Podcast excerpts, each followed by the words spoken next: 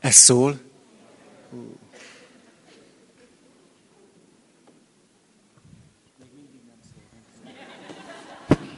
Megadtam neki az esélyt. Hú, de ez meg hogy visszhangzik? Öm, igen, álltok ott páran az ajtóba, megtehetnénk-e azt, hogy ahol van üres szék, tegyétek föl a kezeteket, ahol van üres szék. Ó, van itt bőven.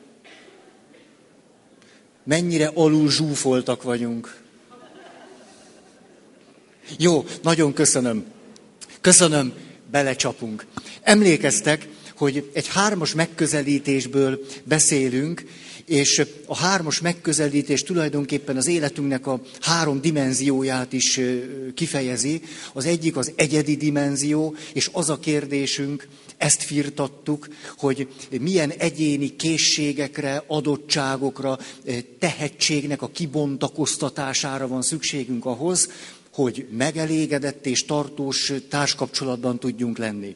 Azután nagyon sokat beszéltünk a kapcsolati dimenzióról, mert hogy hiába vannak nagyszerű egyéni, a személyiségünknek, az egyediségünkre vonatkozó roppant jó adottságai, készségei és tulajdonságai, ha a kapcsolati készségünk, a kapcsolati, a társas intelligenciánk azonban gyönge, ezért aztán beszéltünk nagyon sokat azokról az adottságokról, képességekről, amelyeket érdemes kibontakoztatni ahhoz, hogy a kapcsolati dimenzióban képesek legyünk azokra az adottságokra és készségekre, amelyek egy tartós és boldog társkapcsolathoz fontosak. És tulajdonképpen ott vagyunk a határán annak, hogy már most a családi kapcsolat rendszerben való megfelelő eh, működésnek az adottságairól és készségeiről beszéljünk, hogy rendszer szinten hogyan érdemes tudnunk jól működni, mert hiszen eh, egy társkapcsolat előbb-utóbb egy családi kapcsolatrendszer része lesz, bizonyos szempontból nyilvánvaló alapja, és hiába tudunk kapcsolat szinten, társkapcsolat szinten mi ketten jól működni egymással, hogyha nem tudunk rendszer szinten jól működni. És például a származási családok, vagy pedig mikor szülőszerepbe kerülünk, a saját gyerekeinkkel való kapcsolattartásunk tönkre teszi a mi kettőnknek a kapcsolatát és egységét. Mert nem tudunk rendszer szinten, család szinten tudni jól működni és megőrizni azokat az adottságainkat, jó tulajdonságainkat, úgy, hogy azok élőek és elevenek legyenek, amelyek az egyéni és a kapcsolati szinten kidolgozásra kerültek. Ez egy nagyon fontos harmadik dimenzió, itt is érdemes tudnunk akkor jól tájékozódni, és jó adottságokat kimunkálni magunkból. És emlékeztek, hogy körülbelül a kettő határán állunk, és ott fejeztük be, hogy hogy mondtam néhány szívderítő szempontot, már az én szívemnek nagyon derítőek voltak, hogy mit lehet akkor, hogyan lehet cselekedni, milyen fölismeréseink lehetnek, rálátásunk lehet, és a többi. De közben igyekeztünk megtartani egy nagyon fontos megközelítést, ez pedig az, hogy a jó tanács, a gyakorlatok, a válaszok, a megoldások sokszor a legnagyobb kísértést jelentik, mégpedig azért, mert a válaszok, a megoldások, a tanácsok és a jó gyakorlatok, mondjon atya egy jó gyakorlatot, mit gyakoroljak, sokszor azt a célt szolgálják, hogy az elkerülhetetlen nehézséget vagy fájdalmat próbáljuk elkerülni. A legjobb gyakorlat se arra való, hogy megúszszunk valamit, amit nem lehet megúszni. És egy jó tanács sem arra való, hogy vele kikerüljünk valamit. És gondoljatok, neki indulok most, mint a legkisebb testvér, vagy fiú, gyermek. Gondoljatok csak a sárkányos mesékre. Mert a sárkányos mesékben a sárkány sokszor az a valaki, aki ö, ö, valami nagyon fontos dolgot tud, amit a hős nem. És mi történik a mesékben? Az, hogy nagyon van egy roppant... Csaba, te megint hasonló helyen ülsz, mint múltkor. Ez, ne. Ez jó, ez jó. Csaba azt mondja, odaült prédának. Jól van, majd használnak. Szóval,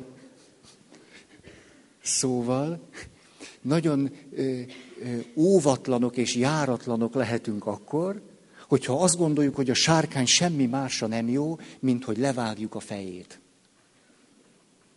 És hogy a hétfejű sárkány meg pláne nem jó másra, mint hogy mind a hét fejét levágjuk, majd dicsőségesen bevonuljunk királyságunkba. Óha! És több évtizeddel ezelőtt megjelent egy könyv, a nők elsárkányosodásáról szólt. Mi történik akkor, ha éppen az előző alkalmak kapcsán azt mondjuk, a házastársunk és mi magunk vagyunk ez a sárkány. Egymásnak vagyunk ez a sárkány.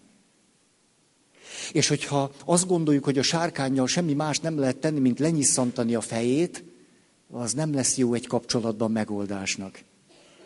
És hogyha a meséknek az ősibb rétegét nézzük, ahol nem egyszerűen csak levagdostuk a sárkány fejét, akkor ott a következőre találunk rá. A sárkány, hogyha, ó, meg vagy fázva. Ez szegény. Hogy a sárkány nem csak trombitálni tud, nagyokat trüsszenteni, fújni, hanem néha, hogyha meg tudjuk szelidíteni, és szót tudunk vele találni, akkor sokszor még a sárkány hátára is rá lehet ülni, gyeplőt lehet, nem tudom én, rárakni, és a sárkány nagyon jó helyekre el tud bennünket vinni. Lásd, avatár. Három d. Tessék? Imax. Te egy fan vagy? Jó, tehát a sárkány, hogyha nem nekiállunk rögtön lenyisszantani a fejét, hanem megszelidítjük, akkor a sárkány olyasmit tud, amit mi nem, és a sárkányon keresztül az életünk úgy tud gazdag lenni, hogy csak a sárkányjal együtt tud gazdag lenni. Akkor is, ha az a sárkány nő, és akkor is, hogyha férfi.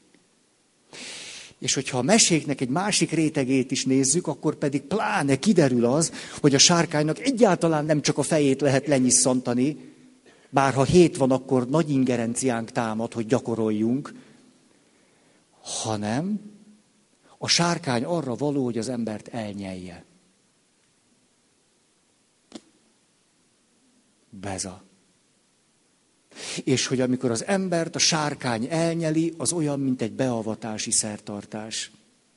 És a sárkány az embert elnyeli, és aztán kiköpi. És aki végig tud menni a sárkányon, belül, övé a királyság. Ehelyett a mi kultúránkban nagyon gyakran a férjünkre és a feleségünkre úgy tekintünk, mint a sárkányra, és le akarjuk vágni a fejét. Ahelyett, hogy megszelidítenénk, de még inkább a legnehezebb próbán mennénk át, engednénk, hogy lenyeljen minket. És tudjátok, most lerakom ez a papírt, mert ez nagyon drámai. Mert bizony a jótevő sárkányok nagyon fontosak. De sokszor a sárkány akkor és azáltal tud jót tenni velünk, hogyha mi kibírjuk a próbát, és engedjük, hogy a sárkány lenyeljen, megcsócsáljon, bezabáljon. És utána elengedjen. És mi itt a kísértésünk, hogy van nálunk egy kés, hogy, hogy hol a késem? Nem tudom.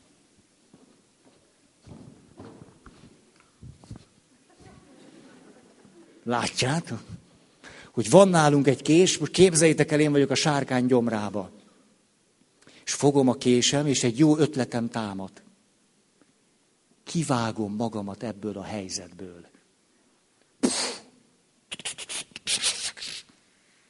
És kimenekülök a sárkányból. És erre, aki a meseterápiával foglalkozik, azt mondja, na hát, nagy különbség van, hogy valaki kimenekül a sárkányból, vagy megmenekül a sárkányból. És elkezdtem ezen gondolkodni, hogy a magyar nyelv milyen szép, de jó, ez a két mikrofonos előadás, ezt így. És aztán a következő alkalommal három, és nem merem földobni, akkor fizettetek egy csomót. Szóval, elkezdtem játszani ezzel a szóval, hogy a sárkány gyomrából az embernek nem kimenekülnie kell, főleg nem elmenekülnie a sárkánytól, hanem engedni, hogy a sárkány bennünket lenyeljem.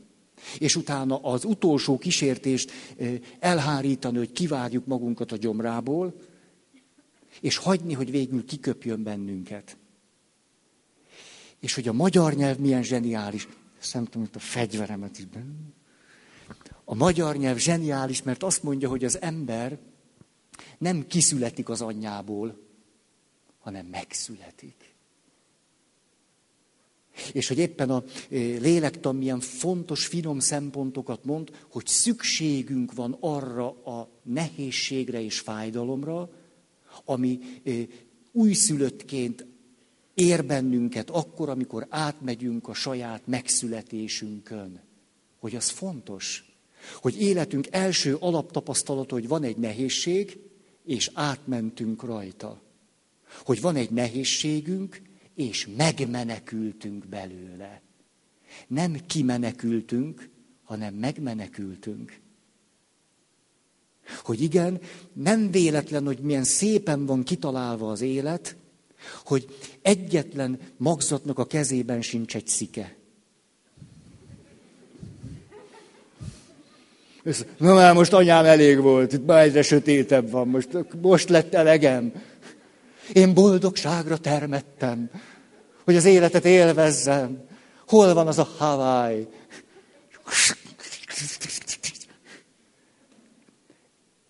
Utoljára ilyesmit a nyolcadik utas a halál című filmben láttam, és az nem a párkapcsolat boldogítóságáról szólt.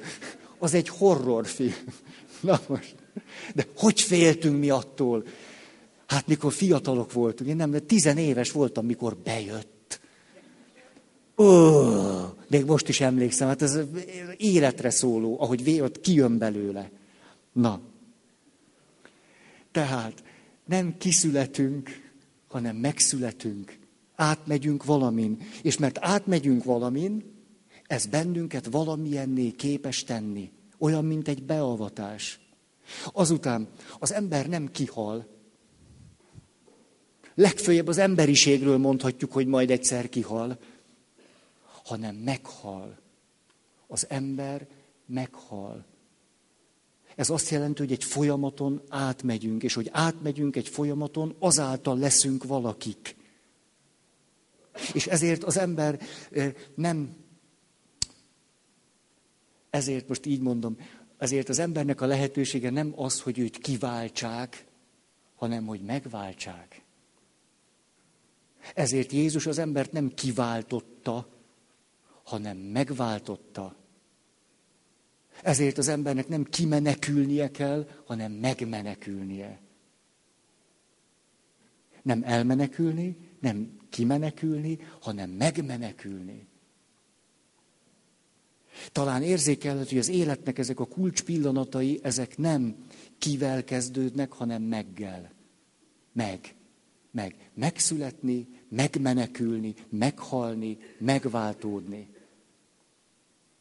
És ezért, amikor, amikor most beszélünk arról, hogy jó, akkor mi minden lehet segítségünkre a társkapcsolatban, akkor ez nem az elmenekülés vagy a kimenekülés iránya, hanem arra vagyunk kihegyezve, hogy tudnánk a szó legjobb értelmében megmenekülni. Megmenekülni azokból a nehézségekből, amelyekben a társkapcsolatban találjuk magunkat. Megmenekülni. Ezért le is rakom a késemet. Nem bántjuk a sárkány gyomrát.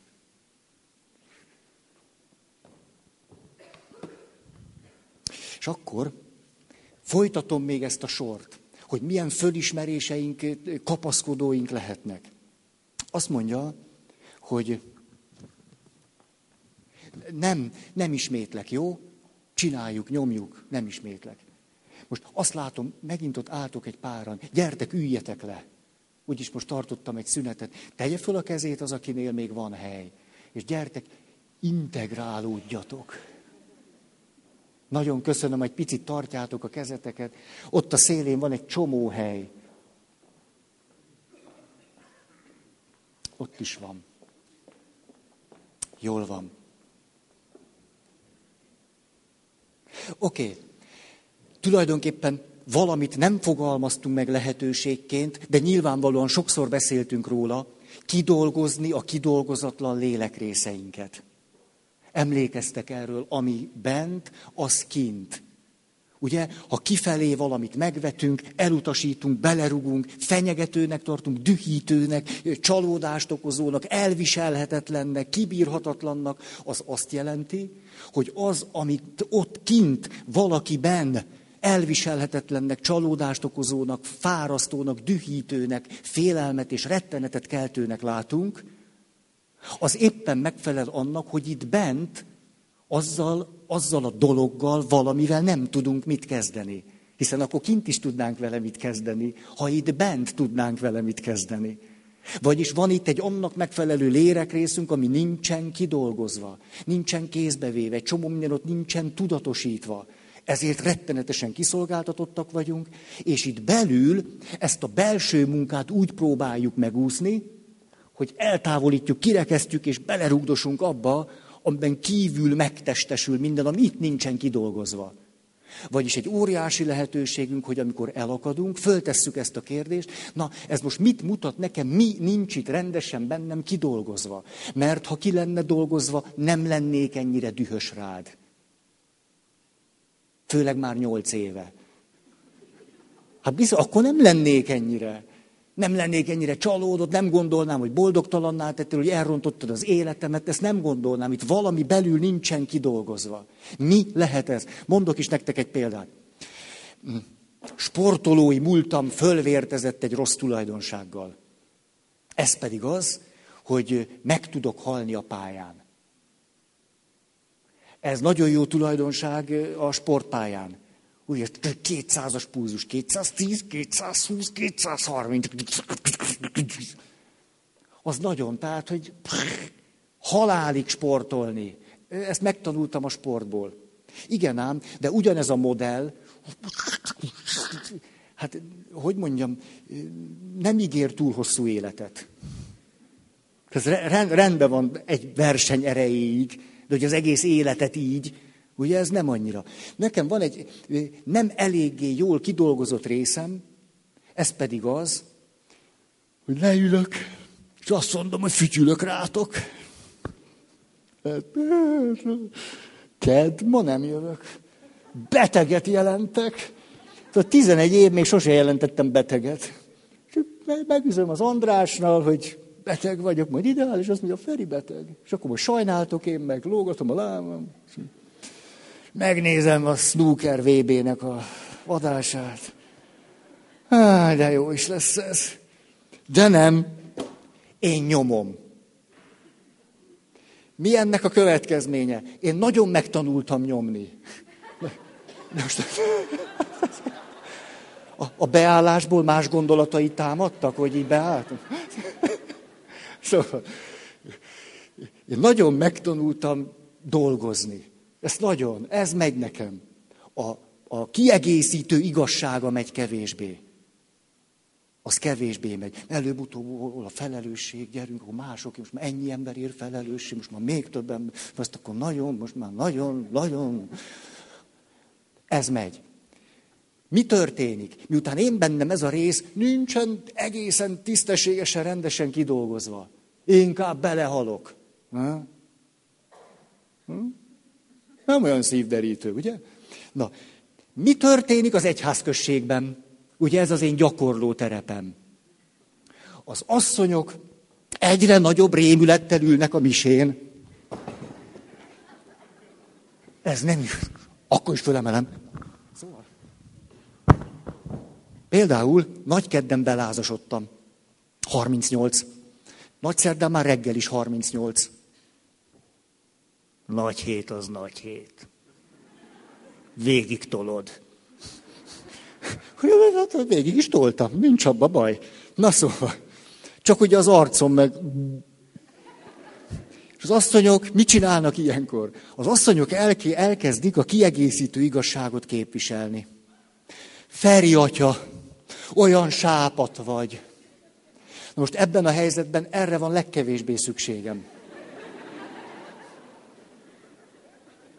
És látjátok, már is elindult a társas dinamika. Én bennem van egy kidolgozatlan rész, most éppen minden erőmet összeszedem, amivel az ellenkező irányba megyek, vagyis, hogy nagy hét. Ezért az asszonyok elkezdik a másik oldalt képviselni. Mit csinálnak az igazán jó asszonyok, mert hát szeretnek. Elkezdik tolni a krémest. És akkor ilyen cinkos mosolyjal néznek rám, és mondják, Feri atya, tudjuk, hogy szereted az édességet. Na de én két napja nem ettem más, csak száraz kenyeret. Hát a krémes az, amire a legkevésbé van szükségem. Elkezdenek a sekresébe halomba állni a kaják. Mert egyébként se szoktam túl sokat enni. De hát amikor meg 38 fokos lázam van reggel, akkor meg ezt pláne nem kívánok krémest reggelire. És akkor az asszonyok meg azt látják, nem, nem gyógyul, nem javul. Erre még több asszony kezdi betolni magát a szituációba. És elkezdenek a csokoládék, a krémesek, a minyomok. Ezt a gyerekkoromban hívtam. És már nem tudok úgy, úgy menni Óbudán, hogy valaki ne állítson meg, hogy Ferenc atya, és a legkedvesebbet, tudjátok, ezt egy férfitől kaptam. Ugye éppen 38 fokos lázam van, nagy hét van. És jön egy férfi, és azt mondja, te Feri, te idősebbnek látszol a korodnál.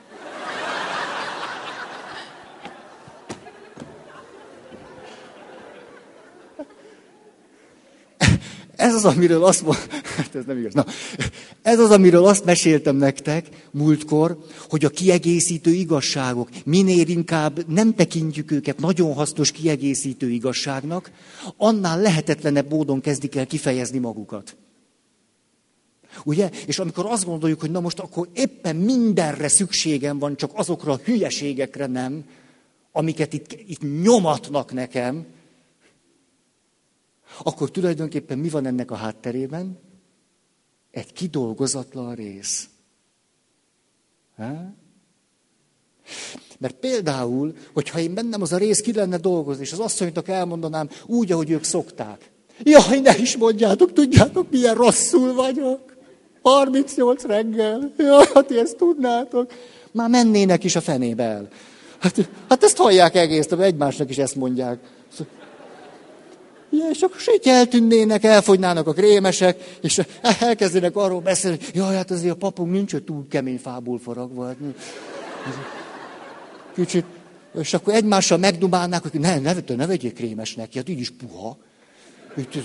Megkérdeztük, hogy hogy van, és már tíz perce itt sír. Hát ezt mondom, csak óvatosan. Érzékelhető ez a dinamika, ezt át lehet tenni ugye a párkapcsolatra, simán át tudtak tenni.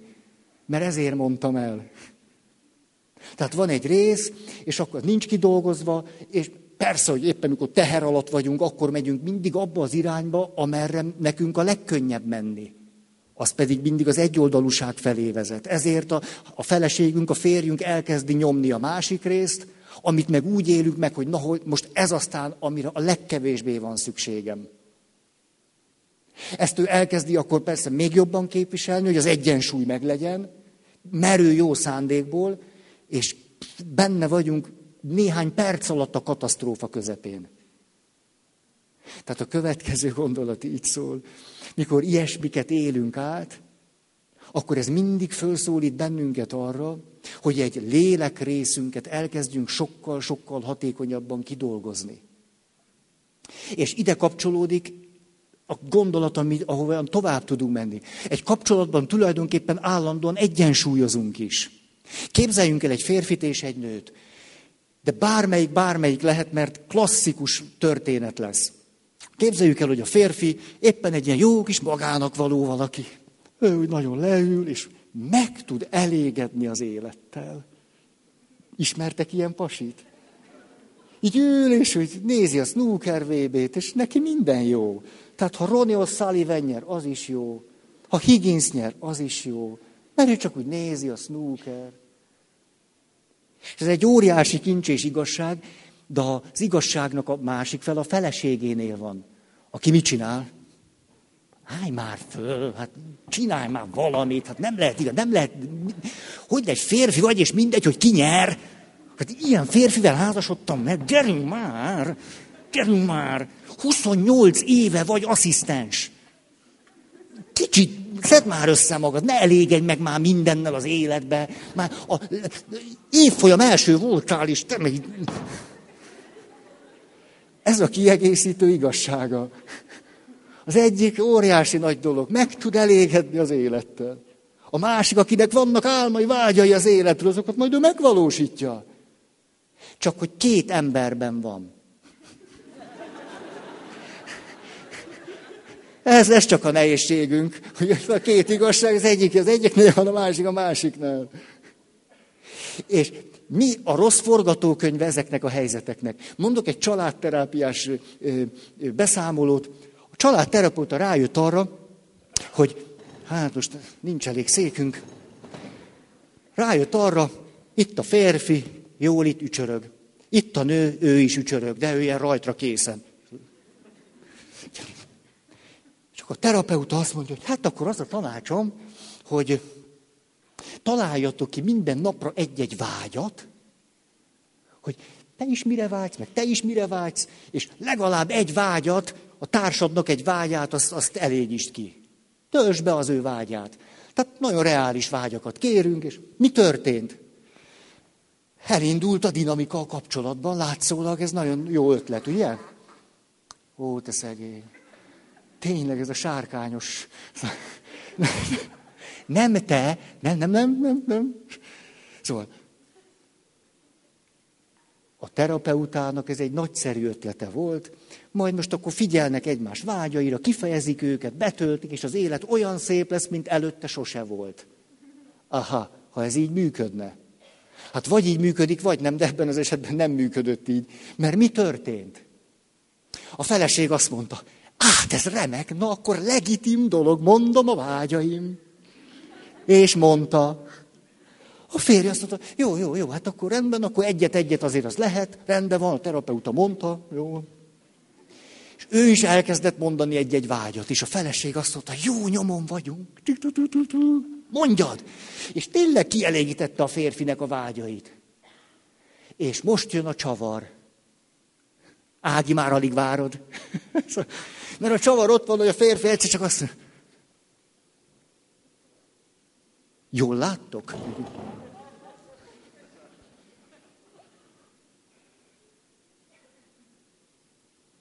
Ennek felesett réfa.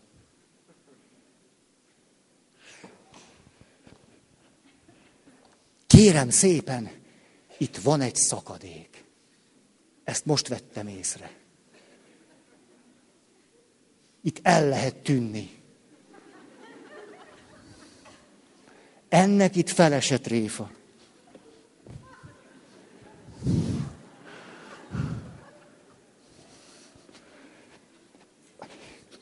Rájött valamire a férfi. Ez egy nagyon veszélyes dolog. Mert itt a felesége egyre jobban fogja mondani a vágyakat, ennek sose lesz vége. Mi lesz az ő, az ő megelégedettségével, hogy majd csak úgy ül, és úgy néz ki a fejéből. És tudjátok, mi történt? A feleség nagy boldogan mondta a vágyakat, a férnek elkezdett egyetlen egy vágya se eszébe jutni. Ültek, és a terapeuta mondta, hogy hát, hát csak valami eszedbe jut, nem. Nem. És gondolt a veremre ott mögötte, na azt nem, nem, nem, nem. És elkezdtek még jobban eltávolodni egymástól, mint ahogy addig voltak. Mert ugyanis a férfi azt mondta, hát jó van, akkor most akkor így van, most akkor a feleségem itt vágyózik, hát én akkor meg ellensúlyozom. Ugye, akkor ő, ő, ő csinálja, akkor én... És a felesége minél lelkesebben fejezte ki a vágyait, ő annál jobban visszahúzódott, hogy na, csak óvatosan, mert, mert a kapcsolati egyensúlyt akartad föntartani. Nem csak a saját egyensúlyát, hanem a kapcsolati egyensúlyt. Ez a következő nagyon fontos gondolat, hogy mindig létezik egy kapcsolati egyensúly. Ez több-kevésbé jó egyensúly szokott lenni. És a, a nehéz az, amikor elkezdjük az egyensúlyt úgy föntartani, hogy egyre jobban el kell távolodnunk egymástól. Ugye? Mert ő, ő egyre ő bízik az életben, kockáztat, ő neki lát, és barátnőivel megfecsegik azt, hogy milyen hihetetlenül fontos az életben az, hogy kreativitás legyen, az intuícióra kell hallgatni. A férfi meg ennek arányában azt mondja, biztonság, biztonság. Bankszámla szám. Minimum egy-két milla elrakva. Nagyon nyugi, nagyon nyugi, a feleség meg a következőt beszéli a barátnőivel. Hát egy ilyen férfi mellett, ha én ezt nem képviselem, a kapcsolatunkban egyszer nem lesz semmi élet. Ezért még belehúz. Férfi azt, hogy a feleségem kezd egészen megbolondult már. Ez nem igaz. Csupa hülye barátnője van. Ezek. És megpróbálják egymást kiegyensúlyozni. Törekednek a kapcsolati egyensúlyra. De a kapcsolati egyensúlynak mi az ára? Ez. Ez lett az ára. És lehet úgy is, nem tudom, hogy beledugni a kezemet. Úgy adná magát, hogy beledugom a kezem, és olyan rugalmatlannak érzem magam. Hogy Mit csináljak veled? Meg se lehet fogni.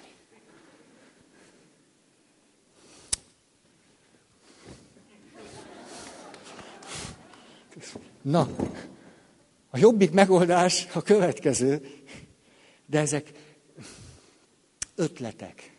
Nem, hogy így kell csinálni, csak hogy elindul a fantáziánk. Azt mondja a férfi, mi lenne, hogyha mondanék egy ilyen nagyobb vágyat? Úgy oda, oda mondanám neki. Hát tulajdonképpen sose engedtem meg magamnak, hogy én egy olyan, olyan vágyat mondjak, amire én magam is azt gondolom, hogy az, az lehetetlen. És megengedni magának, hogy egy olyan szinte lehetetlen vágyat mondjon. Szóval, drágám, lehetne liba helyett kacsa.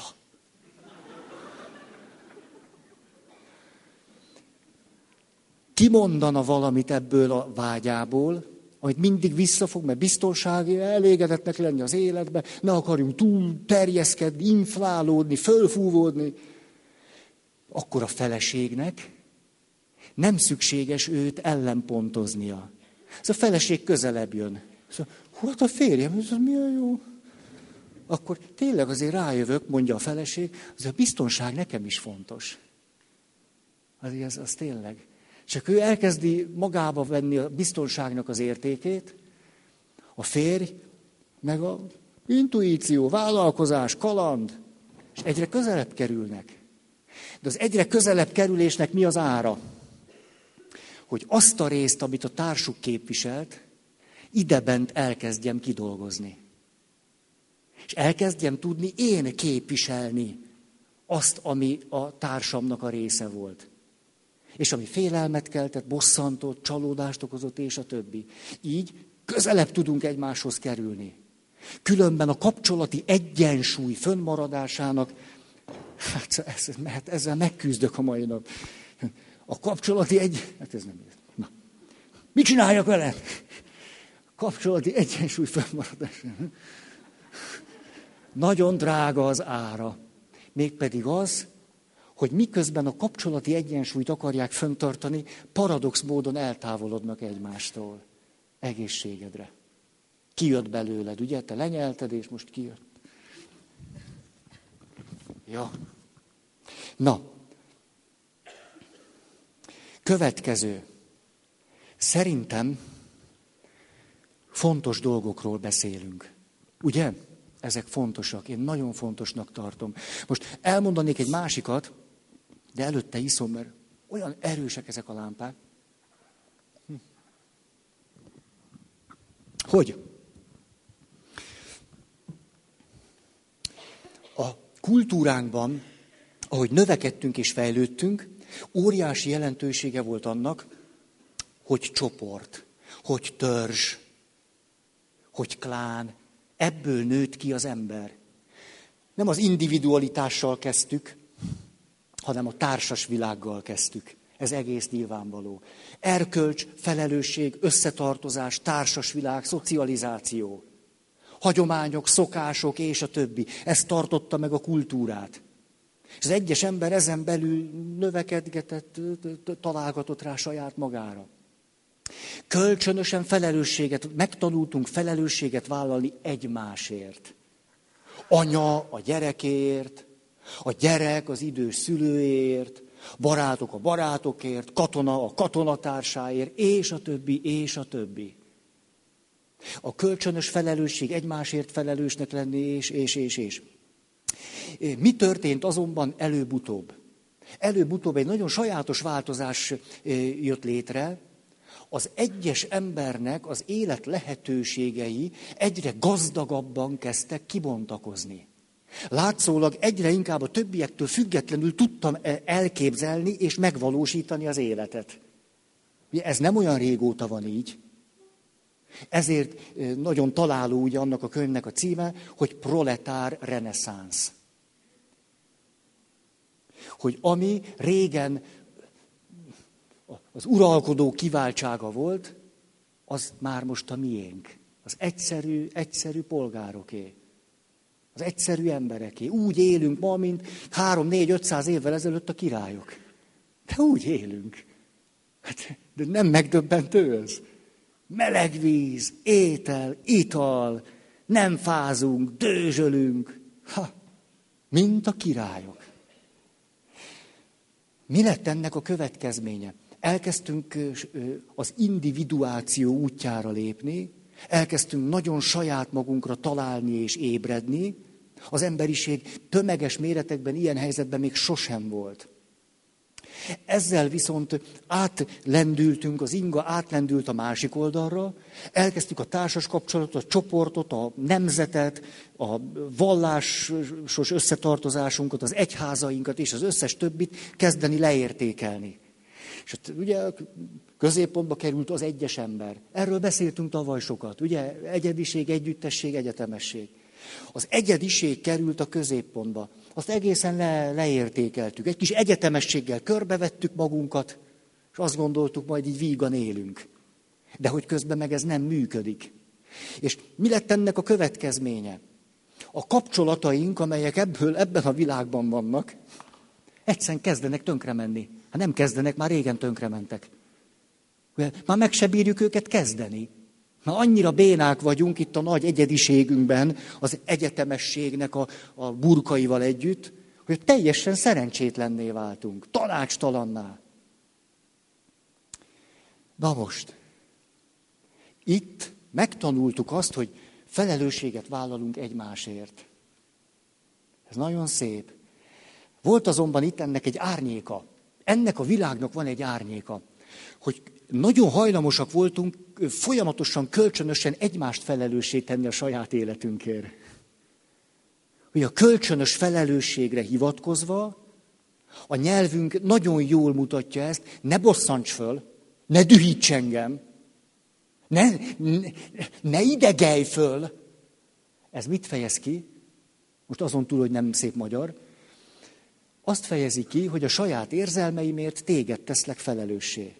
Tehát te változtasd meg a magatartásodat azért, hogy én nekem ne kelljen a haragommal mit kezdeni. Ugye nagyon egyszerű. Tehát a kölcsönös felelősségvállalás világában az árnyékunk az volt, hogy nem vállaltunk eléggé felelősséget magunkért, hanem megosztottuk a felelősséget, és túl sokat vártunk a többiektől. Ők legyenek jók és erkölcsösek, ne bosszantsanak, tartsák meg az illemet, ne zavarjanak bennünket, és akkor mi is jó emberek leszünk. Könnyű úgy jó embernek lenni, hogy körülöttünk mindenki rendesen viselkedik.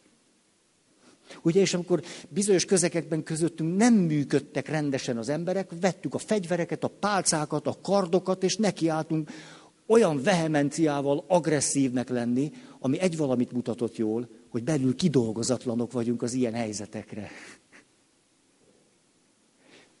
Mi történt? Átmentünk a másik súlypontba, itt maximálisan felelősséget válunk magunkért. Ugye már szinte az őrültségig. Ugye itt ülök, és azt mondom, száz százalékig én vagyok felelős az életemért. Száz százalékig felelős vagyok az egészségemért. Száz százalékig felelős vagyok, hogy a szívem hogy dobog. A bél bolyhaim állásáért száz száz, kizárólag én. Én vagyok a sorsom kovácsa, kovásza, kovászna, minden én vagyok, minden én, és én, és ez, ez, én teszem magam boldogá, és én teszem magam boldogtalanná, és ennek az árnyékában a társas kapcsolatainknak az összes értéke van éppenséggel. Teljesen irreálissá tettük azt, hogy, találj ki valamit az életben, csak, csak, csak érezd nagyon, vagy nem tudom mi, és az, az meg kell, hogy valósuljon, mert azt kitaláltad. Hát ezeket abszurdumnak tartom. Hol vagyunk most? Próbáljunk, próbáljunk csak egy kapcsolatban lenni, valamelyik irányba szoktunk sarkítani. Nehéz helyzetekben azt mondjuk, te vagy a felelős. Te, te vagy a felelős, tessék, tessék, tessék, változ meg. Más helyzetekben azt mondjuk, nem, én, én, én vagyok a felelős a saját sorsomért, te engem nem fogsz bosszantani, én akkor is elmegyek. Én akkor is azt választom, én akkor is úgy fogom csinálni, hogy csinálja, amit akarsz. Én élem a saját életem. Mind a kettőből kiszedtük a rosszat. Mikor fölismerhetnénk azt, hogy igen, egymásért felelősek vagyunk, de nagy dolog volna érted felelősséget vállalni, hova tovább nem mondjuk a te életedet szolgálni, akkor azt mondjuk, nem, nem, nem, te szolgáld az enyémet. Itt meg kihaláztuk azt, hogy nem, én nekem jogom van a boldogsághoz. Jogom van ahhoz, hogy én úgy éljek, ahogy akarok, jogom van, hogy azt válaszol, hogy nekem tetszik, és ez nekem így van jogom, meg úgy. Aha. Mind a kettőből kiválasztottuk ezt a részt, és ennek kapcsán a kapcsolataink és mi magunk is rettenetesen boldogtalanok lettünk. Nagyon. Mondom, az egyáltalán nem szívderítő lehetőségünket. Ezért kezdtem azzal, a sárkány, hogy nézek már ki? Nézzetek rám! Mi történt vele? Ez jól kifejezi a nem tudom mimet. Tessék. Szóval, help. Szóval, nehéz ám egy kézzel. Te se lennél ügyesebb. Na, hogy most az, az annyira nehéz, hogy ne az alsó gatyámba tűrjem be az inget. Na, szóval, az egyáltalán nem annyira szívderítő. Megnézitek, hogy sikerült-e? Jó van már.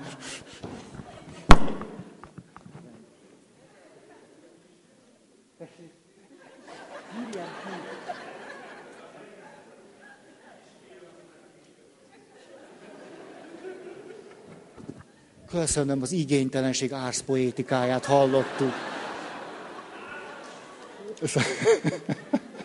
Úgy is kijön. Na.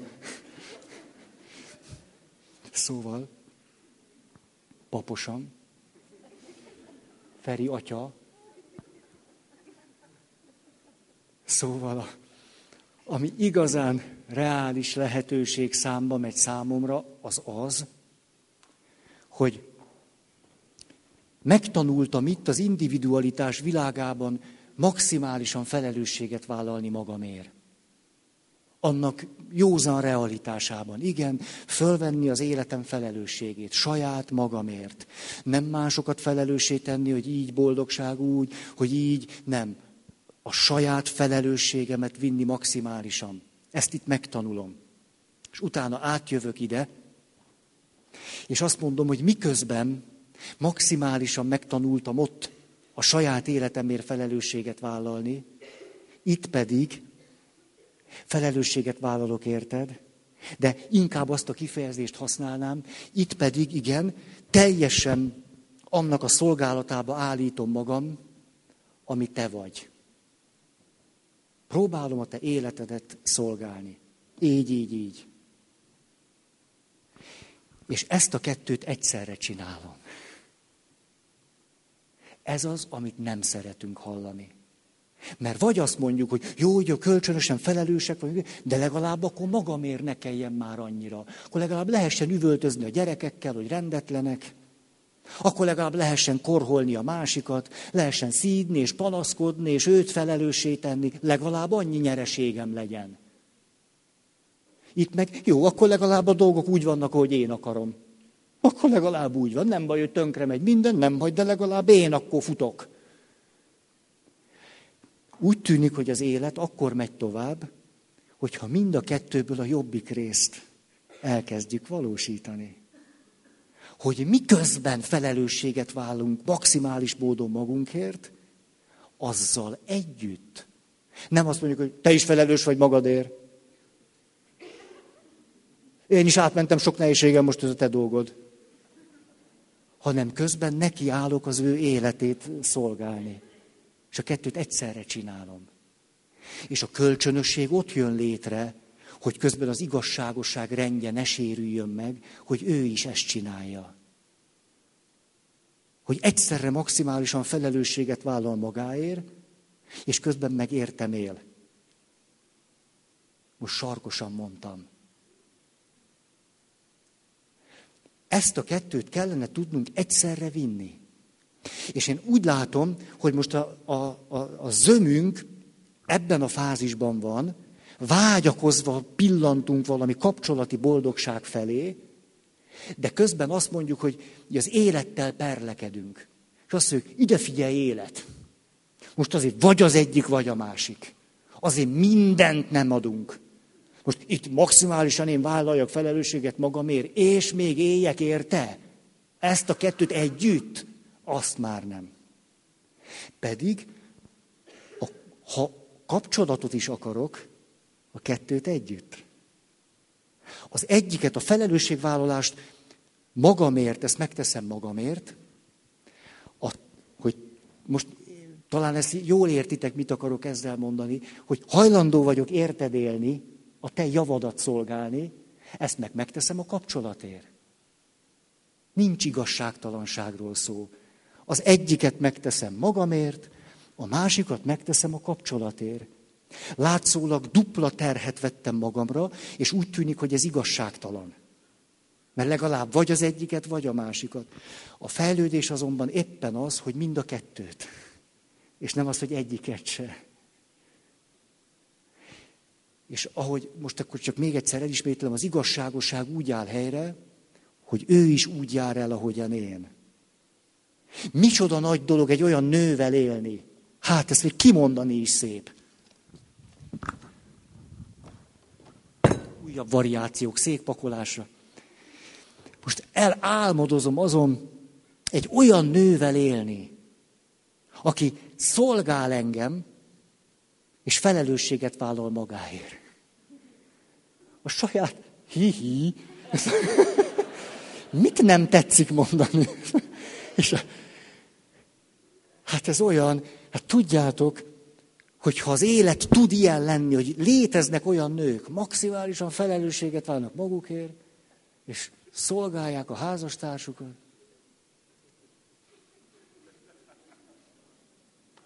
Hát ez jól hangzik. Ugye, most a férfiak nagyon boldogok lettek. Ez a... Nem tudom, most belenézek egy két nő szemébe. Most, most de ne értsétek félre, mert tovább is van. Tehát, tehát azt akarom ezzel mondani, hogy kedves nőtársaim, miért én bennem van érzékenység? Ne, ne gondoljátok, hogy ez csak egy szóvirág. Nem. Erről majd úgy is akarok beszélni, még belefér az időbe. Hogy itt van bennem nem csak Feri, hanem Teri. Így van, tényleg így van. Hát, mikor az individuáció rögös útján eljutottam oda, hogy a saját női lélekrészemmel kezdtem valamit tudni kezdeni, akkor volt egy pont, egy magányos éjszakán, mikor arra gondoltam, hogy Feri, itt az idő, hogy nevén nevezd a női lélekrészed. Bány vele rendesen. Hogy hívod? Rájöttem, hogy ő Teri. És ezért a magányos éjszakáimon Terivel beszélgetek. És te... Hát ez nagyon jó. Hát ez jó. Ezt elmondom. Azt mondta egy nőtársam, de fárasztó.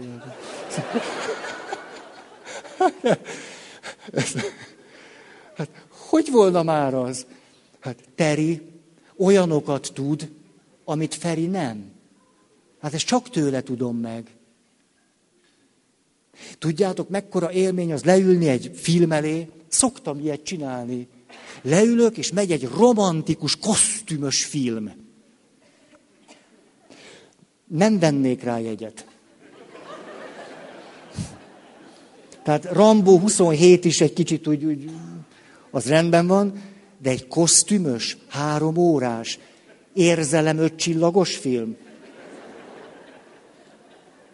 Humor nulla, izgalom milyen félpötty, de az csak egy nyomdahiba, és érzelem öt.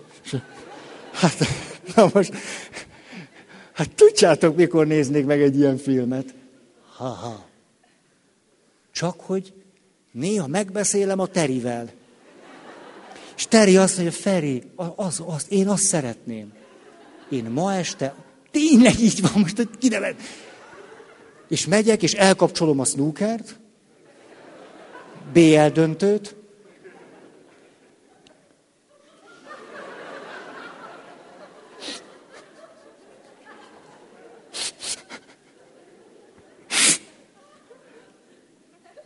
és azt nézzük, amit Teri akar. És ráadásul olyan gyakorlatot találtam ki, hogy úgy nézek ilyen filmet, hogy nagyon tudatosan mindig a női szereplőkkel azonosulok,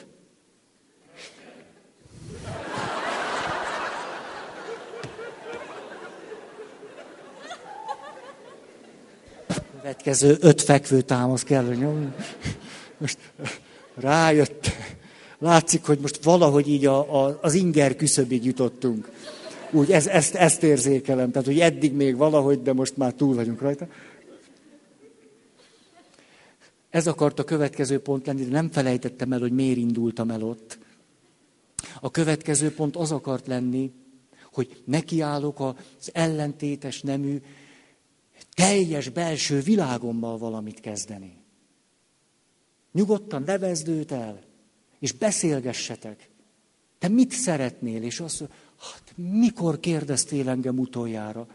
Hát úgy éltünk itt. Tudod, 44 éve vagy a férjem. Ilyeneket szokott mondani. 44 éve élünk együtt, és most kérdezed meg először. Ó, de nehéz téged, ú, de nehéz veled élni. No, jogosan mondja. 44 év után most kérdezem meg először, hogy mit szeretne. Ezért azon túl, hogy a ki nem dolgozott részeimet elkezdem kidolgozni, azon túl létezik két külön világ, a férfi és a női világ, és mikor azt elkezdem egyszerűen csak kidolgozni magamban, óriási fölismerésekre, élményekre lehet szert tenni. Hogy olyan fantasztikus fölismeréseim tudtak lenni, hogy milyen normális az, ahogyan egy nő tud érezni. És ahogyan bizonyos döntéseket meghoz, az férfi adja maga a képtelenség. De mikor teriként ülök és nézem, mondom, de igaza van, de igaza van.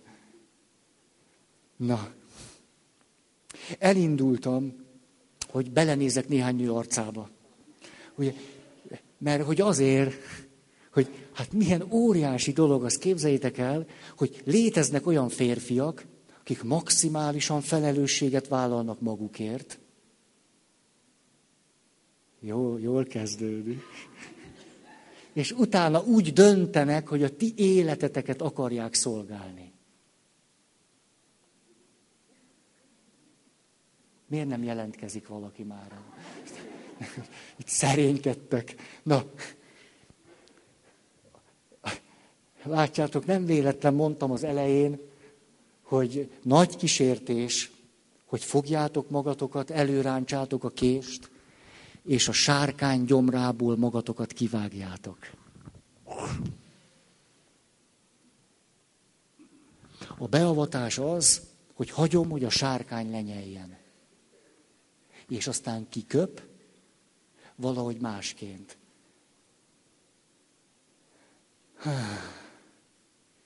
Én ennél jobbat nem nagyon látok. Tehát az összes többi ússzuk meg olcsón.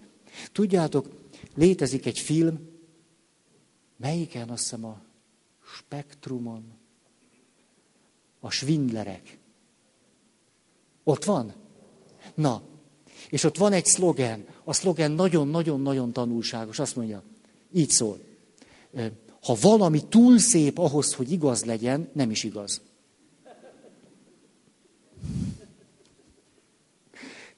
Elég jó iránymutató bölcsesség. Ugye, valaki kínál nekünk olyan utat, hogy de nem féláron is megy. Okosba. Kicsit, hogy magunk között társkapcsolat okosba. Úgy nem kell annyira azért bele nyomni magad, nem. Az, az a pár év. Az... Én, én, én ezt, ilyet nem, nem ezt, ezt nem tudom. Tehát én párkapcsolat okosba, ez nekem nem megy. De a papság sem megy így okosba. Vagy engedem, hogy lenyeljen a sárkány, vagy nem. Okosba ez nem. Ez, hogy mondjam, ez jó egy másfél órás filmnek, de jó van. Hú! Bár csak átélnétek, amit én. Na jó. A következő gondolat. Vannak olyan családterapeuták, akik kerekperec azt mondják, hogy egy kapcsolatban elképzelhetetlen a szétfejlődés nélkül lenni. Hogy minél hosszabb távú egy kapcsolat, a személyiség fejlődés megy a maga irányába, és az a normális, hogy a férfi és a nő elkezdenek szétfejlődni egymástól. És előbb-utóbb az történik, hogy ránézünk, és azt mondjuk, hát ők már annyira szétfejlődtek, hogy itt már most nem lehet mit tenni. Hát szétfejlődtek. Normális, hogy fejlődnek, már szinte semmi közös nem marad bennük. Az egyiket most nagyon ez érdekli, a másik meg nagyon az egyik ebbe az irányba ment, másik abba.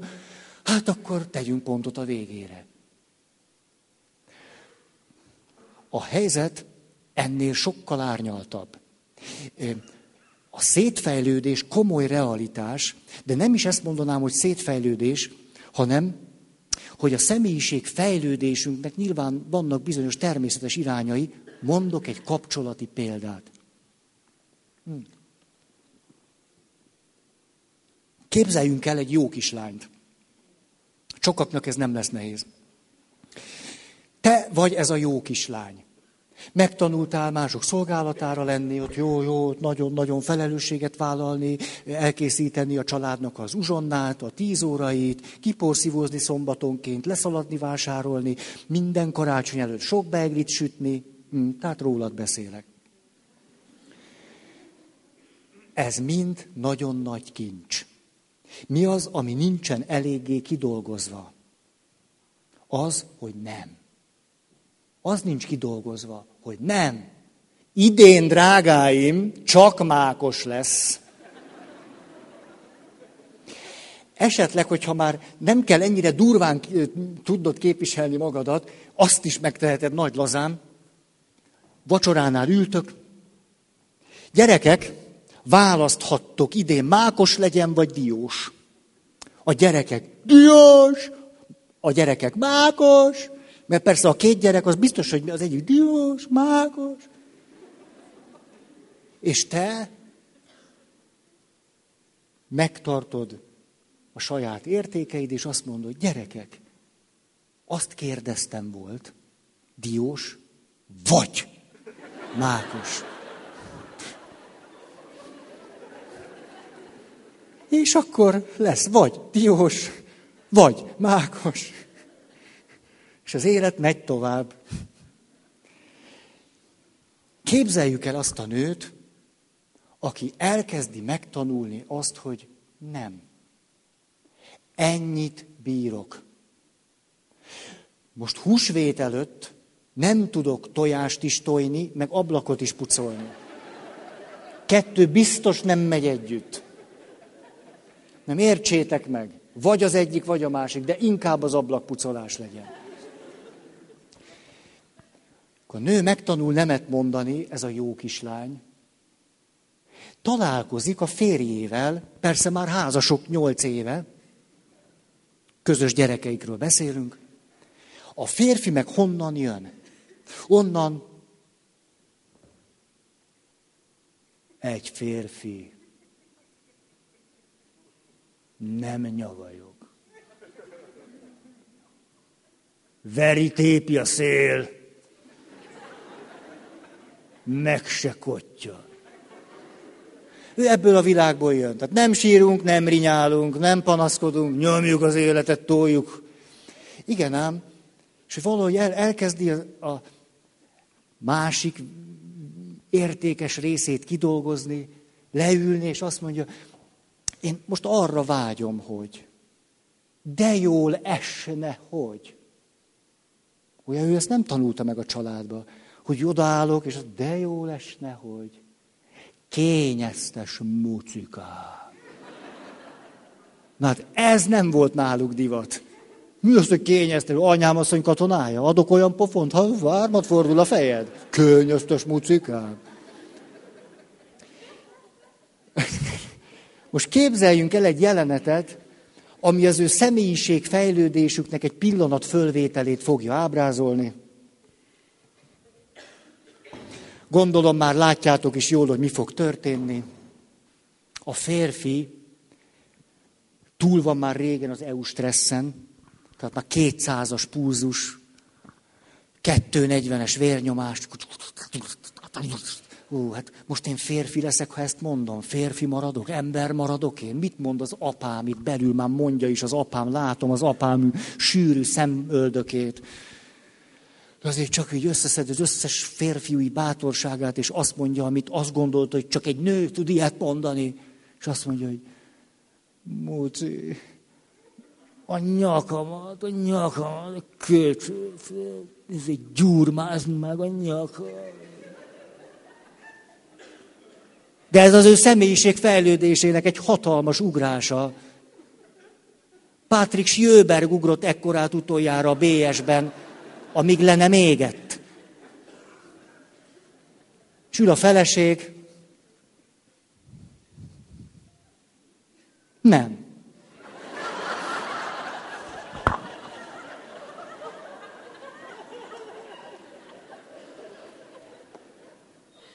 Ezt nevezik szétfejlődésnek. Éppen mind a kettő azt csinálja, ami a saját személyiség fejlődésüknek egy óriási, óriási lépése. Hogy a férfi összeszedi minden nőies bátorságát, és kényeztetést kér, beismerve, hogy valamire szüksége van, hogy vágyik valamire, hogy gyönge, hogy esendő, hogy a nő tud neki valamit adni, amit ő nem tud magának megteremteni. Óriási dolog. És a nő pedig a férjével, egy férfi, aki ez azért ment hozzá, mert macsóba macsónál, mert erős és kopasz.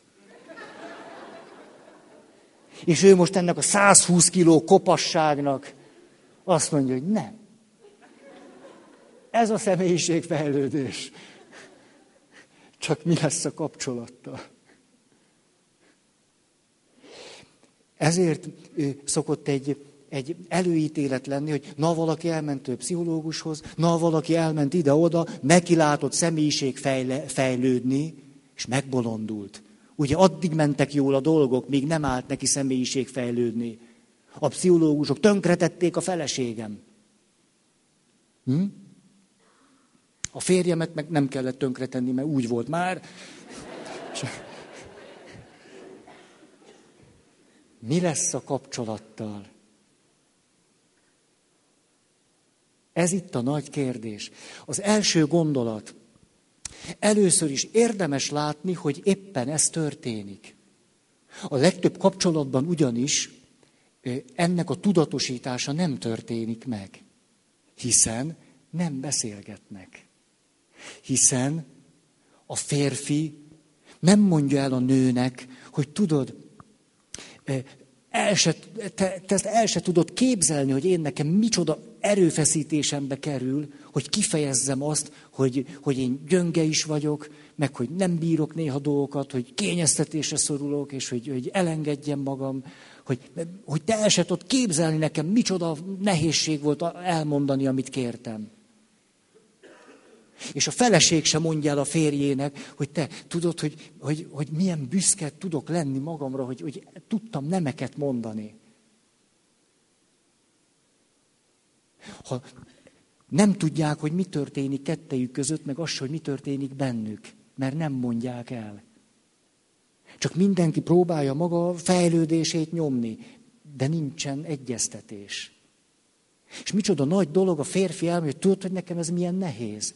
És a feleség azt, hogy tudod, hogy, hogy, hogy nyolc évet úgy éltem le, hogy mindig féltem attól, hogy neked nemet mondjak.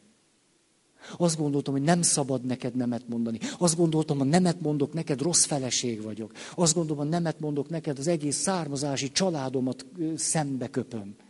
Hogy nem vagyok jó keresztény, ha azt mondom, hogy nem. Tudod, milyen nagy dolog, hogy én tudok neked nemet mondani? Át tudod te ezt érezni? A férfi azt mondja, meg tudod te érteni? A nő, át tudod érezni? És amikor a, a nő megérti, és a férfi átérzi, hogy mi is történik kettejük között, akkor egy nagyon fontos dolog történik. Nem oldódik meg a helyzet, mert még a, a, a férfinek ugyanúgy folyamatosan sokszor szüksége lesz tudni a vágyait kimondani. A nőnek meg szüksége lesz egy csomószor azt tudni mondani, hogy nem. De legalább tudják, hogy mi történik velük. És ez egy közös történetté tud válni. És el tudnak kezdeni drukkolni egymás fejlődéséért. Hogy micsoda egy ütőképes pasim lesz, ha kinő a haja. És hihetetlen lesz, lesz hajas pasi, kopasz pasi, és fú, micsoda repertoár lesz. És a férfi meg azt mondja, micsoda egy nagyszerű nő lesz itt mellettem. Hihetetlen. Belevaló is lesz, nem csak gondoskodó. Ez az egyik. Mikor el tudunk kezdeni örülni egymás személyiség fejlődésének akkor is, hogyha az aktuális helyzetekben éppen szembe megy azzal, ami nekünk, nekünk egy óriási nagy dolog lenne. De ez csak a kapcsolat föntartásával tud működni. Például, hogy erről beszélünk. A másik nagyon fontos gondolat, hogy amikor rájövünk, hogy a személyiség fejlődésünk következő lépése tulajdonképpen az, hogy akkor szabad megtalálnunk a legitim tereit annak, ahol a személyiség fejlődésünknek ezt a lépését meg tudjuk tenni. Például a nő azt mondja, hát rájöttem, hát a férjem nem ellenségem, Hát nem, nem most miért, miért, miért vele meccseljem ezt le? Tehát őrültség lenne, hát a kapcsolatunk sokkal többet ér. Tudok neki nemet mondani, ha akarok, de hát most csak azért, hogy én most, most megerősödjek a 28 ezer nemben, hát ezzel nem fogja megérni. És azt mondja, igen ám, de úgyis középvezető vagyok a munkahelyen. Majd a munkahelyen gyakorlok. És megtalálja az életnek azt a területét, ahol bőven van lehetőség a személyiségfejlődésben azt a lépést megtenni, amire egyébként tényleg szüksége van, és közben a kapcsolatban meg csak annyira, amennyi a kapcsolatnak is jó tud lenni. Megtalálni a legitim tereit bizonyos személyiségfejlődés dolgoknak. Meg lehet találni. Legitim módjait és a legitim tereit. És a férfi azt, mondja, azt mondhatja, hogy jó, hát akkor ő is létezik masszőr. Legitim módon két hetente befekszem, és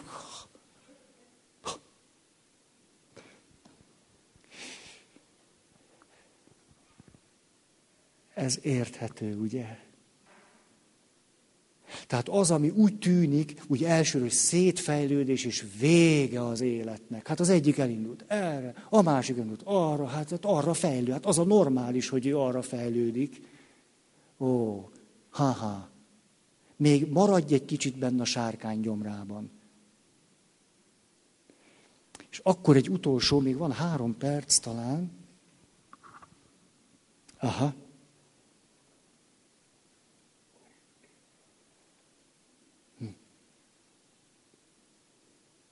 Na jó. Volt még egy gondolat, egy kósza gondolat itt a fejemben, de elfelejtettem. Elment. Beharangozom akkor a következő alkalmat. Ha nagyon várom ezt az alkalmat, már én bennem úgy volt, hogy legalább két héttel ezelőtt el szeretném ezt kezdeni, de aztán mindig gazdagodott a téma, ez pedig az, hogy egy kicsit beleuntam abba, hogy így a, a, a, a családterápiás megfontolások, meg a lélektan, meg mi, kicsit belefáradtam. Nézzük meg teljesen máshonnan, és arra gondoltam, hogy nézzük meg, hogy mit mond a mese bölcsessége a párkapcsolatnak a titkáról.